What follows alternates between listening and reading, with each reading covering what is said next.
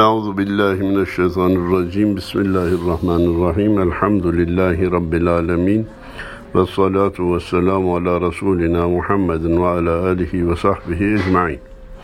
Değerli dinleyenlerimiz, bu hafta yine tek başıma size ulaşmaya gayret edeceğim. Çünkü Hadi hocamın bir mazereti çıktı. Bu hafta programımızı tek yönlü yapmaya çalışacağız. Hayırlara vesile olmasını Cenab-ı Allah'tan niyaz ediyorum. Her ne kadar kurbana biraz daha vakit var gibi görünüyorsa da kurban konusunu bugünlerde anlatmamızın daha faydalı olacağına inanıyorum.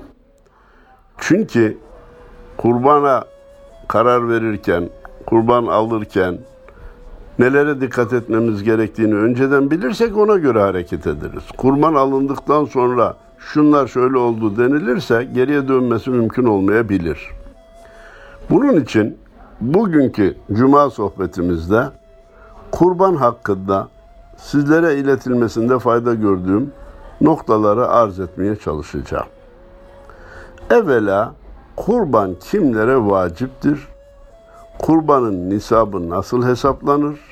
Zekat nisabıyla farkı nedir? Sorularına kısaca cevap vermek istiyorum. Kurban evini, içindeki eşyayı, bindiği otomobili hesaba katmamak şartıyla 32 bin liralık menkul, gayrimenkul, döviz, altın neyi varsa hesap edildiğinde 32 bin lirayı tutuyor veya fazlası var ise işte o kişiye kurban vacip olur. Zekat da yine ev içindeki eşya ve bindiği vasıta hesaba katılmıyordu ama bazı mallar zekata tabi idi, bazı mallar zekat dışıydı. Zekata tabi değildi, onlardan zekat gerekmiyordu. Bir de zekatın nisabında zekatın farz olması için üzerinden bir yıl geçme şartı vardı. Kurbanda bu şart yok. Kurban bayramının bir, iki veya üçüncü günü evi ve içindeki eşyalar bindiği otomobili hariç 32 bin liralık mala sahip olursa bir Müslüman kurban kesmek ona vacip olur. Tam burada borçlu insan kurban keser mi sorusu geliyor. E biraz evvelki sözümüze göre değil borçlu olmak, 10 bin lirada parası olsa, 15 bin lira parası olsa, 25 bin lira parası olsa, mesele iyi anlaşılsın diye söylüyorum, 30 bin lira parası olsa bile kurban kesmesi vacip olmaz. 81 gram altın ki bugünün parasıyla 32 bin lira ediyor. Yaklaşık bu gün gün değişebilir. Altının gramını televizyondan görerek 81 ile çarpıp siz de bulabilirsiniz. O rakama ulaşmayınca 10 bini, 15 bini, 20 bini bulunsa bile o kişiye kurban vacip değil. E durum böyle olunca hiç parası yok bir de borçlanarak kurban kessin mi? Sorusuna gerek yok. Hayır, gerekmez. Ama hangi borçlunun kurban kesmesi gerekir? Adamın ikinci, üçüncü dairesi var, dükkanı var, gayrimenkulleri var. Fakat bugün nakit olarak kurban kesecek parası yok. Bir iki bin lirası yok ki kurban alsın. Bu kişi borçlanacak, kurbanını kesecek, günü gelince de borcunu ödeyecek. Çünkü onun borcunun karşılığı mal var. Demek ki borçlu insan keser mi kesmez mi diye ikileme bırakıp borçlu insan kesmez diye hüküm vermek de doğru değil. Borçlanarak kurbanını kesecek demek de doğru değil. Karşılığında kendisine kurban vacip olacak kadar malı varsa o kişi borçlanarak da olsa kurbanını kesecek. Ama malı yok iken sırf kurban keseyim diye borçlanmaya hiç gerek yok. Kurban kesmeye gücü yetmeyi bir dini ölçüden, fıkıh ölçüsünden düşünmemiz gerekiyor. Bir de halk arasındaki anlayışa göre düşünüp cevaplandırmamız gerekiyor. Kurban kesmeye gücü yetmek ne demek? Halk arasında 2500 lirası varsa kurban kesmeye gücü yet- yeter gibi anlaşılıyor. Hayır. Dinimiz diyor ki işte zaruri ihtiyacının dışında 32 bin lirası varsa ona kurban kesmeye gücü yeter diyor. Kurban kesmeye gücü yeterden kişiden maksat zaruri ihtiyacının dışında 32 bin lirası olan sadece kurbanın parasını vermeye gücü yeten manasında değil. Malumunuz kurbanın vacip olmasındaki bir başka şart da mukim olmak, seferi olmamak. Peki bugün ne yapıyor insanlar? Yazlığına gidiyor. Kendi evi ise zaten kendi yazlığı ise varınca orada da mukim sayılır.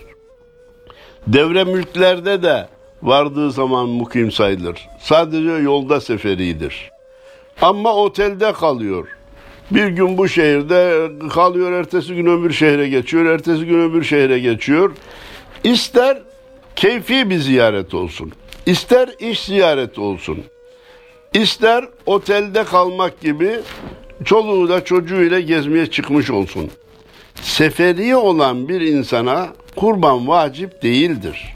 Ancak buna rağmen vekalet vererek kendi oturduğu bölgede veya yurt dışında, yurt içinde kurbanını kestirirse veya gittiği yerde seferi olmasına rağmen imkan bulur, hayvan alıp kurbanını keserse kurban kesmişlik sevabına nail olur. Kurban görevini yerine getirmiş olur. Hatta o kişi üçüncü günden evvel evine dönse, kurban bayramının üçüncü gününden evvel evine dönse, bak bu sefer tekrar kesmesi gerekir diye bir hüküm yok. Görev yerine getirilmiştir. Ama birinci ve ikinci günü seferi olan ve seferiyim diye kurban kesmeyen bir Müslüman, üçüncü günü evine dönecek olursa ya da üçüncü günü mukim sayılacak bir şekle geçerse, mesela bulunduğu yerde 20 gün daha kalacağım diye karar verdiği an mukim durumuna geçer. Bu kararı da bayramın üçüncü günü vermişse onun kurban kesmesi ayrıca vacip olur. Ama işi netleştirme anlamında diyorum ki, evet seyahate çıkanlara kurban vacip değildir ama kurbanı keserse sevabına nail olur, kurban görevini yerine getirmiş olur, evine tekrar dönse tekrar kurbanın kesmesine gerek yok. Efendim kurban konusunda bir nöbetleşe kurban kavramı çıktı. Hani Ziya Paşa'nın dediği gibi evvel yok idi iş bu rivayet yeni çıktı demiş. Ne demek nöbetleşe kurban? Geçen sene bana kesmiştik, bu sene hanıma kesiyoruz. Daha evvelki sene de büyük oğlumuza kesmiştik. Gelecek sene de kızımıza keseceğiz, kızımız adına keseceğiz diye. Sanki aile içindeki insanların hatırını gönlüne almak gibi bir duyguyla herkes kurbansız kalmasın diye böyle nöbetleşe kurban kesilmeye kalkışılıyor. Bu doğru bir davranış değildir. Mal kiminse kurban onun adına kesilecek. Bir evde birden fazla dinen zengin sayılan biraz evvel sorununu söyledik 32 bin lira. Birden fazla kişi varsa birden fazla kurban kesilecek Hanefi mezhebine göre. Yok ise bir kişi varsa her sene onun adına kesilecek. O zaman hanım kurbansız kalmış oluyor, oğlumuz kurbansız kalmış oluyor. Böyle şey olmaz. Oğlumuzun kendine ait 32 bin lirası varsa, kızımızın kendine ait 32 bin lirası veya daha fazlası varsa onlara da ayrıca kesilecek. Bazen de bakarsınız ki babanın da o kadar parası yok. Annenin de o kadar parası yok. Oğlun o kadar parası var. O zaman kurban her sene oğlu adına kesilecek. Bir senede babama keseyim, babam adına keseyim denilmez. Burada mesele anlaşılsın diye söylüyorum. Evin tapusu kimin adınaysa vergisi onun adına yatırılır. Evin tapusu hanenin hanımı adına ise kocası gidip o vergiyi yatırabilir mi? Yatırır. Kimin adına? Hanımı adına yatırır. Ben kendim adıma yatırmak istiyorum dese ya almazlar ya da alınan vergi sayılmaz. Onun için zengin olan kimse onun, onun adına kesilecek bir. İki, zengin olan hanımı. Kocasının da 5-8-10 bin lira parası var. Kendisine müstakil kurban ayrıca bir kurban vacip değil. Ama dese ki hanım senin kurbanın parasını ben vermek istiyorum. Olur. Hanıma adına kesilmek şartıyla, kurban onun adına kesilmek şartıyla parasını bir yakınının vermesinde sakınca yok. Bu, bu cümleden olmak üzere oğlum adına kurban kesilecek ama parasını ben vermek istiyorum. Olur. İlla kurban parasının kurban kesenin cebinden çıkması diye bir şart yok. Ama onun adına kesilmiş olacak. Efendim yine son zamanlarda çıkan rivayetlerden birisi efendim 8-10 kişi, 15-20 kişi, 30-40-50 kişi para toplayalım bir kurban keselim sevap olsun. Böyle bir kurban kesme yok bizim dinimizde. Ne diyor kitabımız? Küçük baş hayvanlar birer kişiye, büyük baş hayvan bir kişiden yedi kişiye kadar kurban olarak kesilir. On kişi para toplayalım. On beş. Nereden çıktı kardeşim bu? Hatta maalesef çok üzgünüm. Bir hayvanın ön kolunu, arka kolunu, sırtını e, numaralamışlar. E, ön kolu ben kurban ediyorum. Sağ ön kolu da ben kurban ediyorum. Arka budu ben kurban ediyorum. Sol arka budu. Böyle kafadan uydurulmuş ibadet şekli olmaz. İbadetlerin şekil ve miktarlarını ancak Allah ve peygamber tayin edebilir. Biz kendi kafamıza göre tayin edemeyiz. İşte bak kimisi ne demişti? Balıktan da tavuktan da kurban olur. Olmaz. Efendim bir kilo elma alıp fakire verseniz sevap olmaz mı? Sevap olur ama buna kurban denmez. İki kilo balık alıp da götürüp bir fakire verseniz sevap olmaz mı? Olur ama adına kurban denmez. Efendim kurban kelimesi yaklaşma manasına gelir. Bir simit de alıp fakire verseniz Allah'a yaklaşmış olursunuz. Öyleyse sizin kurbanınız da simit olsun. Bu işi kavramamaktır, basite indirmektir, ayağa düşürmektir. Kurban kurbandır, zekat zekattır, sadaka sadakadır, hayır hayırdır. Her birini yerine göre yapmak lazım. Diğer meslektaşlarım farklı görüşte olursa saygı duyarım ama benim şahsi kanaatim o ki peygamberimiz için kurban kesmemize de gerek yoktur. O ümmeti için kesmiştir keser. Ama bizim toplanıp da peygamberimiz için kurban kesiyoruz. Bir kurban keselim topluca da peygamberimize bağışlayalım. Bunları ben gereksiz fantaziler olarak görüyorum. İslam'ın ana bünyesinde böyle bir şey olmadığı kanaatindeyim. Efendim kurban konusunda hayvan alınırken bir pazarlık usulü kabala dediğimiz bu hayvana ne istiyorsunuz? Şunu veriyoruz. İki, canlı tartı. Üç, öldükten yani kesildikten sonra tartı şeklinde alınmalar başlandı. Bunlar da caiz midir? Caizdir. Çünkü kurbanın iki bölümü var kurban ibadetinin. Birisi alışveriş, öbürü de bir hayvanın Allah rızası için boğazlanması, kanının akıtılması. Alışveriş, akit dediğimiz bölüm tarafların karşılıklı rızasıyla yapacağı şekildir. Canlı tartacağız kilosu şundan. Peki Yok efendim kestikten sonra iç organlarını çıkardıktan sonra geriye kalanı tartacağız ama kilo fiyatı şudur. Tamam olur. Hiç tartmadan bu hayvana ne istiyorsun ben de şunu veriyorum alalım keselim caizdir. Efendim paramız yok kredi kartıyla kurban alacağız caizdir. Veresiye kurban alacağız. Biz vakıf olarak diyelim ki 10, 20, 30, 50, 100, 200 kurban alıyoruz. Ee, vatandaş da bunun paralarını bize veriyor.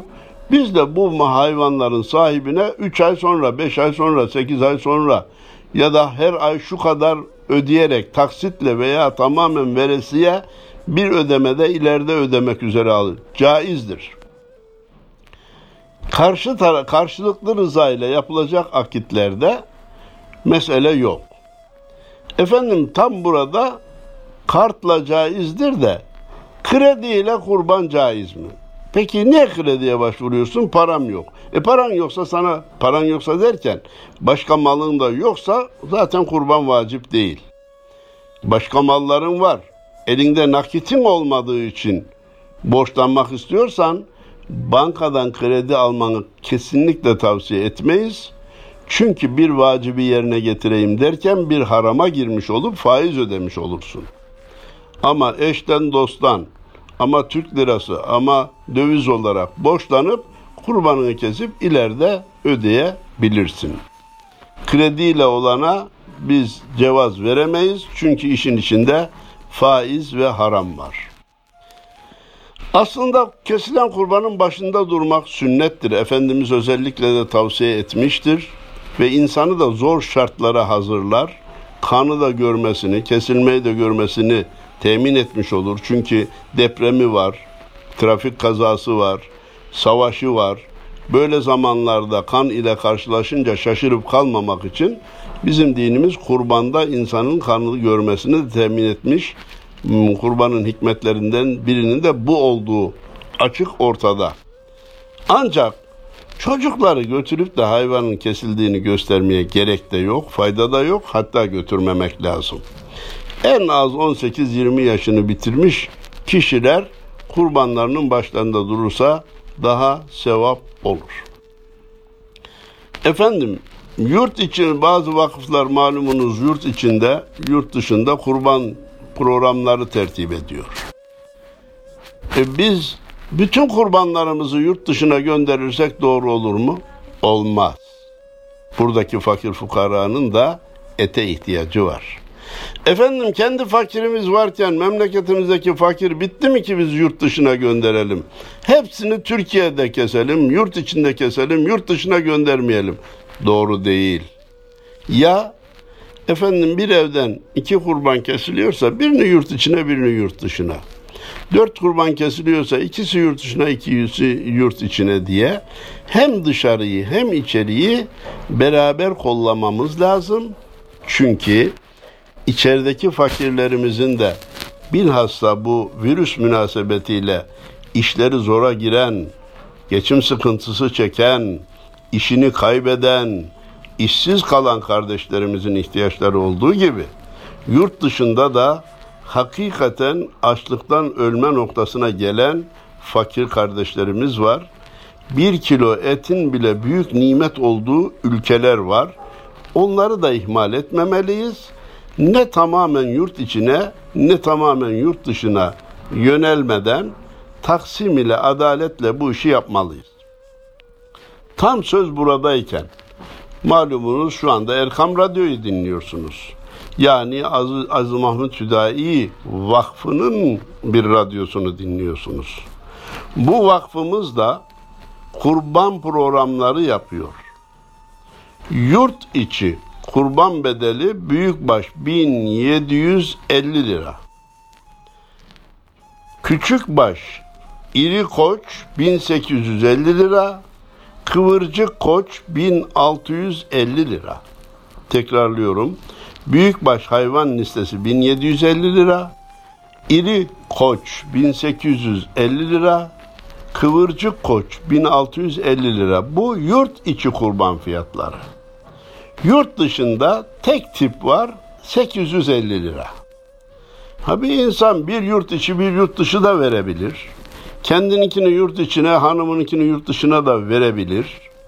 Peki nasıl irtibat kuracağız hocam?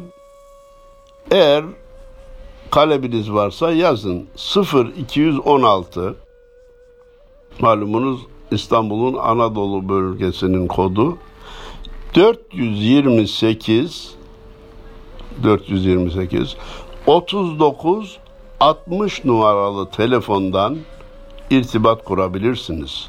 428 39 60 428 39 60 veya internetten hüdayivakfı.org hüdayivakfı.org diye yazarak irtibata geçebilir.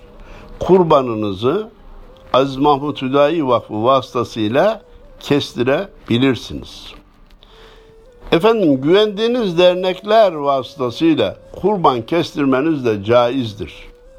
Başında durmayı tavsiye ediyor isek de bugünkü şartlarda bilhassa virüs meselesinde daha dikkatli olmak anlamında vakıflara, derneklere de vekaleten kurban kestirmek caizdir. Efendim, hatta aman ha diyoruz, bahçede, caddede, sokakta kurban kesip de başkalarına da sermaye vermeyelim. Akşam televizyonda bakın ne yaptılar işte şöyle ortalığı batırdılar diye kurbanın aleyhine konuşacak insanlara da sermaye vermeyelim. İyi de hocam belediyenin kurban kestirdiği yerde gittim baktım araştırdım birinci gün dolmuş. Olsun ikinci gün olsun. Üçüncü gün olsun yine mezbahada olsun. Kurban kesilmek için hazırlanan yerlerde olsun. Bahçede, caddede, sokakta illa birinci gün keseceğim diye kurban kesmenin doğru olmadığını sevap açısından mezbahada hazırlanan yerlerde hijyenik ortamda bilhassa bu virüs konusunda oralarda kesilecek kurbanın daha faziletli ve sevaplı olduğunu iletmek istiyorum. Malumunuz kurban senelik udhiye dediğimiz kurban çeşidi var. Hacca gidenlerin hacda kestikleri kurban var. Ona da şükür kurbanı denir. Haccı kıran ve haccı temettü yapanlara vaciptir. Maalesef bu sene umremiz gittiği gibi hac imkanımız da yok oldu. Bu sene Beytullah'ta herhalde belki Mekkeliler hac yapabilecek. Dışarıdan kimse gidemeyecek. Allah seneye haccımızı rahat yapmamızı nasip eylesin. Efendim akika kurbanı, dünyaya gelen yavrularımız için kesilen kurban. Adak kurbanı, yani şu işim olursa veya hastam iyileşirse bir kurban keseyim şeklinde yapılan adaklar için kesilecek kurban olmak üzere kurban çeşitleri var. Şükür kurbanı var. Nedir o? Daha önceden adamamış. Bir ev almış, bir kurban keseyim de eş, dost, akraba, hane halkı beraber yiyelim, bir yemek hazırlayalım denilmiş. Caizdir. Daha önceden adamış ise araba alırsam kurban keseyim diye o adak kurbanı olur, vaciptir, etinden yiyemez. Ama önceden adaması yoksa kurbanı keser, buna şükür kurbanı deriz. Kendi de yiyebilir, eşi, dostu, çocukları da yiyebilir. Senelik kurbanın eti defalarca duymuşsunuzdur. En makul olanı üçe ayırmaktır. Birisini evinde bırakmak, birisini zengin fakir ayırmaksızın eşe dosta hediye etmek, o da bize hediye edecek. Olsun etsin, hediyeleşme kalpleri yaklaştırır. Üçüncü bölümü de sadece fakir fukaraya vermek. Senelik kurban için yapılması gereken en uygun taksim budur. Ama eğer bu kurbanı kesenler ikinci dairesinden dolayı, bağından bahçesinden dolayı kurban kendisine vacip olmuş ama öyle kolay kolay mutfağına et girmeyen kişilerden ise etin tamamını evine bırakması da ileriki aylarda yemek üzere bırakması da caizdir. Bazı kardeşlerimizin kurbanın eti dördüncü günün dışına taşmamalı, ilk dört günde bitirilmeli gibi sözler ediyorlar. Fıkhi bir değeri yoktur, kitabi bir değeri yoktur. Bir kısmı da ben aman aman aman kurbanın etini yemem diye kurbanın etini ağzına almıyor. Bir başkası da kurbanın etini günahlarla yiyor. Biz çeşitlere o anlamda girmeyelim. Üç ayırmak caizdir. Eğer evde et yeme işi kısıtlıysa bütününü bile evine koyabilir. Kurban e alırken boynuzu yarıdan fazla kırılmış, kulağı yarıdan fazla kesilmiş, bir veya iki gözü kör hayvanları almamak gerektiği gibi sığır da iki yaşını da bitirme şartına dikkat etmek lazım. İki yaşını bitirmeyen hayvan kurban olmaz büyük başlarda. Hayvanın kesileceği yere gidemeyecek kadar zayıf olması da kurban olmasına engeldir. Ama hasta, uyuzlu olması, şaşı olması kurban kesilmesine mani değildir. Hani biz bazı hayvanlara senin organlarında noksanlık var, sen kurban olamazsın diyoruz. O hayvan da dile gelip de bize dese ki sen de gözünü günahlarla kör etmişsin. Kulağını günah dinleyerek sağır etmişsin. Elini haramlara uzatarak günaha sokmuşsun. Benden kurban olmaz da senden kul olur mu diye sorsa ne cevap vereceğiz diye düşünmemizde fayda görüyorum. Efendim kurbanın bir eti var bir de kanı var. Malumuz Anadolu'da hemen kurban kesilince çocukların alnına, e, hanedekilerin alnına, kurban kesenin alnına kurbanın kanından bir miktar sürülür. Ya da birisi oto, otomobil almışsa kestiği kurbanla e, otomobilin tekerleğine sağına soluna sürer. Hani o tekerleğe sağa sola sürmek gereksiz, lüzumsuz fakat zararlı değil. Ama insan vücuduna velev ki kurban kanı da olsa mübarektir diye sürerse o da avuçun orta avuç ortası miktarını taşarsa onunla namaz kılması caiz olmaz. Hatta az da olsa yıkaması gerekir. Kanın kurban kanı olması temiz olması manasına gelmez. Akmış kan dinimizce pis ilan edilmiştir. Kurbandan da aksa o kanı sürmek de doğru değildir. Sürülmüşse temizlemek lazım. Avuç ortasını geçerse namazda caiz olmaz. Malumunuz bu sene tedbirli bir bayram yaşıyoruz. Tedbirlere riayet edelim. Tevekkülü ihmal etmeyelim. Mevla neylerse güzel eyler diyelim. Bu virüs meselesi başımıza niye geldi diye düşünüp ibret alıp günahlarımızı, hatalarımızı tespit edip tevbe edelim. Bütün insanlık olarak yanlışlardan vazgeçelim. Bütün dünya insanları Allah'ın emirlerini yerine getirirler mi, getirmezler mi bilemiyorum ama Allah'ın yasaklarından kaçınmak mecburiyetindeler.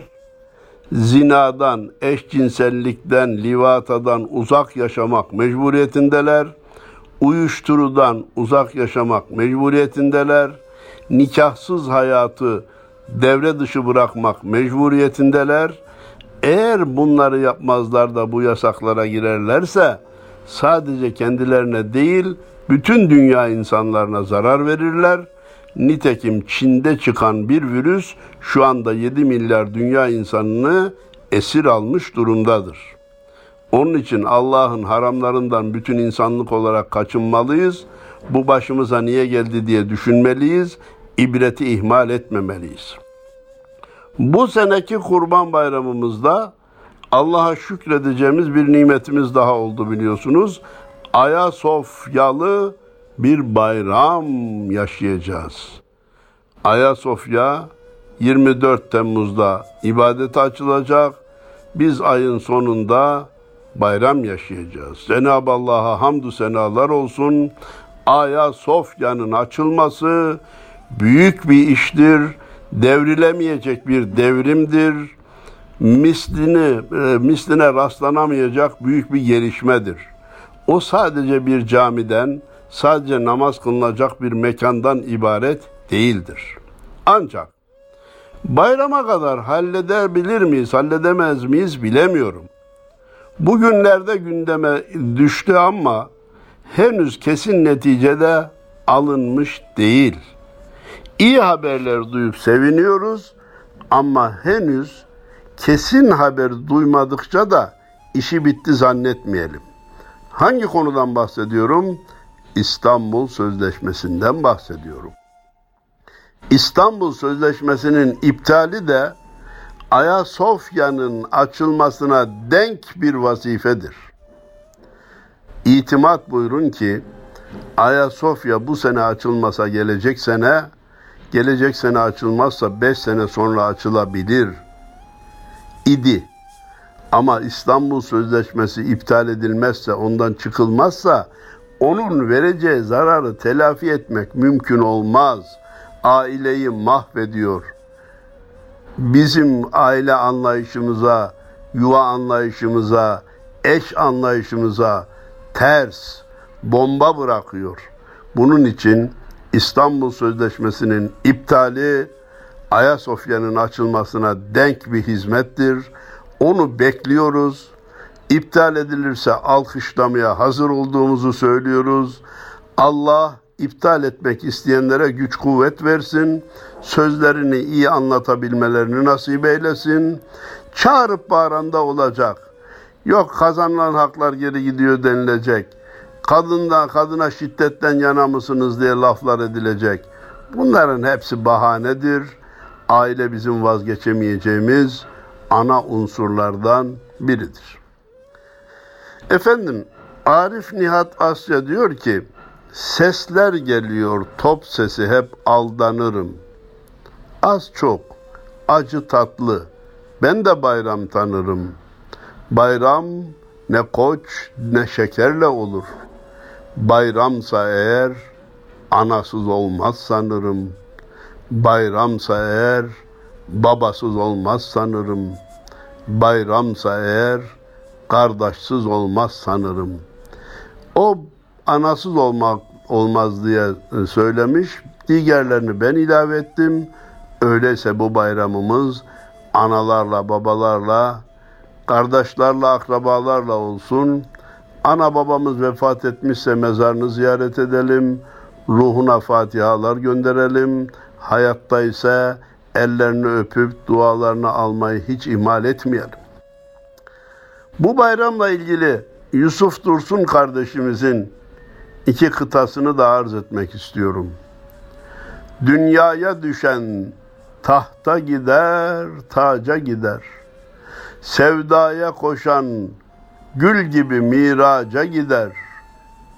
Bir bir kapatır zevkü safa yollarını, aşkıyla coşan her gece bir hacca gider. Canlar canı, cananıma hayran olayım. Şol sevgili sultanıma mihman olayım. Yıllar yılı yar aşkına süslendi gönül. Bayram günü ya hak diye kurban olayım demiş Yusuf Dursun. Yani sadece hayvanları keserek değil, günahlarımızı keserek, nefsimizi kurban ederek, hatalarımızı kurban ederek bu bayramı yaşamaya çalışalım. Bazıları ne lüzum var da bu kadar hayvanı kesiyorsunuz diyor. Yahu bırak hayvan kanı aksın da insan kanı dursun. İnsanlar birbirlerini öldürmesinler. Dünyadaki katliam sona ersin. Güçlü devletler mazlum milletleri ezmeye devam etmesin. İsrail Filistinliyi öldürmeye devam etmesin. Arakan'da Müslüman kanı akmaya devam etmesin. Suriye'de, Afganistan'da, Libya'da, dünyanın çeşitli yerlerinde Müslüman kanı akmasın. Gayrimüslim kanı da akmasın. Hristiyan Yahudi kanı da akmasın. Şu üç günlük dünyada Allah'ın bize verdiği nimetleri aramızda hakça paylaşıp barış içerisinde yaşamamıza bu bayramlar vesile olsun diyor. Yaklaşan bayramınızı tebrik ediyor. Allah'a emanet olun diyorum. Selamlarımı, muhabbetlerimi arz ediyorum efendim. Hayırlı cumalar olsun.